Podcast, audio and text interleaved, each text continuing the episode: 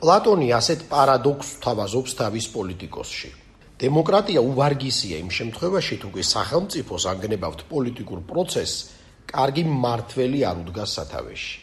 ათენის დემოკრატია სწორედ ნიჭიერი პერიკლეს დროს იყო ძლიერი, ხოლო ქაოსის, ანუ უთავობის პირობებში მხოლოდ იმითღა იყო კარგი, რომ უგვან ტირანიას ჯობდა, თორემ ლიდერის გარეშე არც დემოკრატია ყოფილა ეფექტური. გინდა პლატონის ეპოქა იყოს და გინდა ჩვენი დემოკრატიას მით უფრო მეტად უჭერს თუ კი დემოკრატიულ კონცეფციას ანუ სამყაროს ძლიერი ლიდერი არ უდგას დამცველად. და ამის საპირისპიროდ კი ძლიერი ლიდერი ტირანიას ან ავტოკრატიას ხავს ისევ და ისევ პლატონის არც თუ შორეული რეფლექსიით ულიდერო დემოკრატია შესაძლოა აბსტრაქციად იქცეს მაშინ როცა ტირანი შემაწუხებლად კონკრეტულია.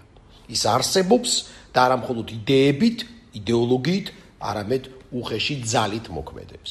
დღევანდელ დემოკრატიულ მსოფლიოს ძლიერი ლიდერი არ ხავს. ყოველ შემთხვევაში ისეთი ლიდერი მაინც, რომელიც მткиცედ დაიცავდა თავისუფალ სამყაროს.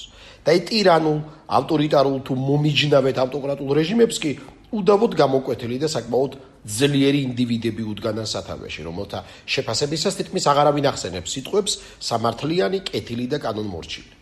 ბელორუსში მიმდინარე პროცესმა ნათლად გამოავლინა თუ რამდენად აუცილებელია რომ ხალხის დემოკრატიული რისხვა ლიდერზე, ანუ პროცესის თუნდაც სიმბოლურ ფენომენზე პერსონიფიცირდეს. მას შემდეგ რაც ქვეყნიდან შანტაჟით და დაშინებით გააძევეს ხალხის რჩეული, მოქალაქეები სტრუქტურული დასაყრდენის გარეშე დარჩნენ. რაც იმას ნიშნავს, რომ 26 წელი დიქტატორი აქამდე არსებულზე აგრესიული და შეუბრალებელი გახდება. რადგან დემოკრატიულ პროცესს ახლა მეტაური აღარ ხავს, თუნდაც სიმბოლური. სიმბოლოები კი რევოლუციის დროს ძალიან მნიშვნელოვანია. დიქტატორი ტყუებს ისრვის და არბევს. დემოკრატიის დამცველებს კი ხელში აიფონები უჭირავთ, რომელთაც მხოლოდ იმის ჩვენება შეუძლიათ თუ როგორ გაბრტყელდა ისტორია.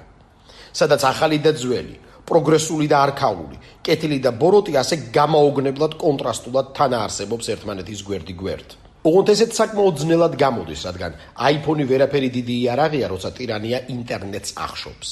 ნიშნავს თუ არა ეს იმას, რომ ნიჩეს პერიფრაზირებით ურჩხულის მოშთობას მხოლოდ მაშინღა შეძლებ, თუ კი ან როცა თავად იქცევი ურჩხულად. ცხადია დიქტატორს მხოლოდ მშვენიერი შეგონებებით ვერ დაამარცხებს სამართლიანობის კანონიერებისა და თავისუფლების შესახებ, მაგრამ არც ახალი ურჩხული ძველი შანაცვლებაა ბედნიერების მომტანი. ისტორიამ ეს არაერთხელ გვასწავლა. ამიტომ დემოკრატია ახლა მეტის მეტად მძიმე დღეშია. დემოკრატი არ უნდა გაურჩხულდეს. მშვიდობიანი პროგრესი, ანუ პოლიტიკური კულტურა დაიცვას და თან როგორმე თავის გადაირჩინოს, როცა ანტიცივილიზაციური ავტოკრატები მას რეზინისა თუ ნამდვილ ტყვიებს უშენენ. ამ შემთხვევაში კი წარმატების მომტანი შესაძლოა ისევ და ისევ ხსენებული ისტორიულ ფილოსოფიური აზრი გამოდგეს. დემოკრატია დაცულია, თუ კი პროცესის სათავეში ძლიერი ინდივიდი დგას. მით უმეტეს დღევანდელ პასიურ თუ აქტიურ ქაოსში, სადაც ტირანიას დემოკრატებზე ბევრად თანმიმდევრული და მткиცე დესპოტები იცავენ. მაგრამ ხელოვნურად ლიდერს ვერ შექმნი.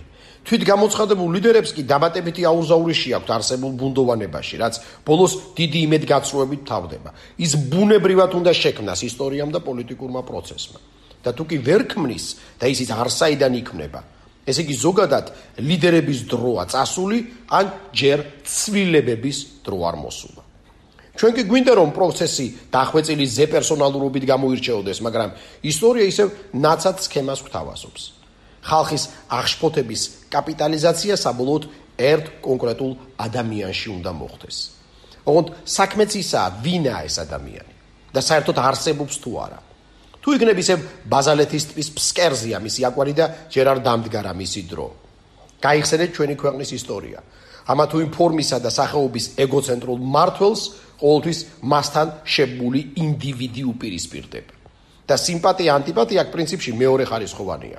თავარი დაპირისპირებული ძველის უარყოფის ენერგიის მატარებელი ხდება. მაგრამ თუ კი ასეთი ინდივიდების დრო არ მოსულა, შესაძლოა ტირანზე და ავტოკრატზე არანაკლებ დამაზიანებელი აღმოჩნდეს ხელოვნური ლიდერი. ბელორუსი ამის მაგალითია. ყოველ შემთხვევაში 2020 წლის ზაფხულის ბიწურულისთვის. Thank you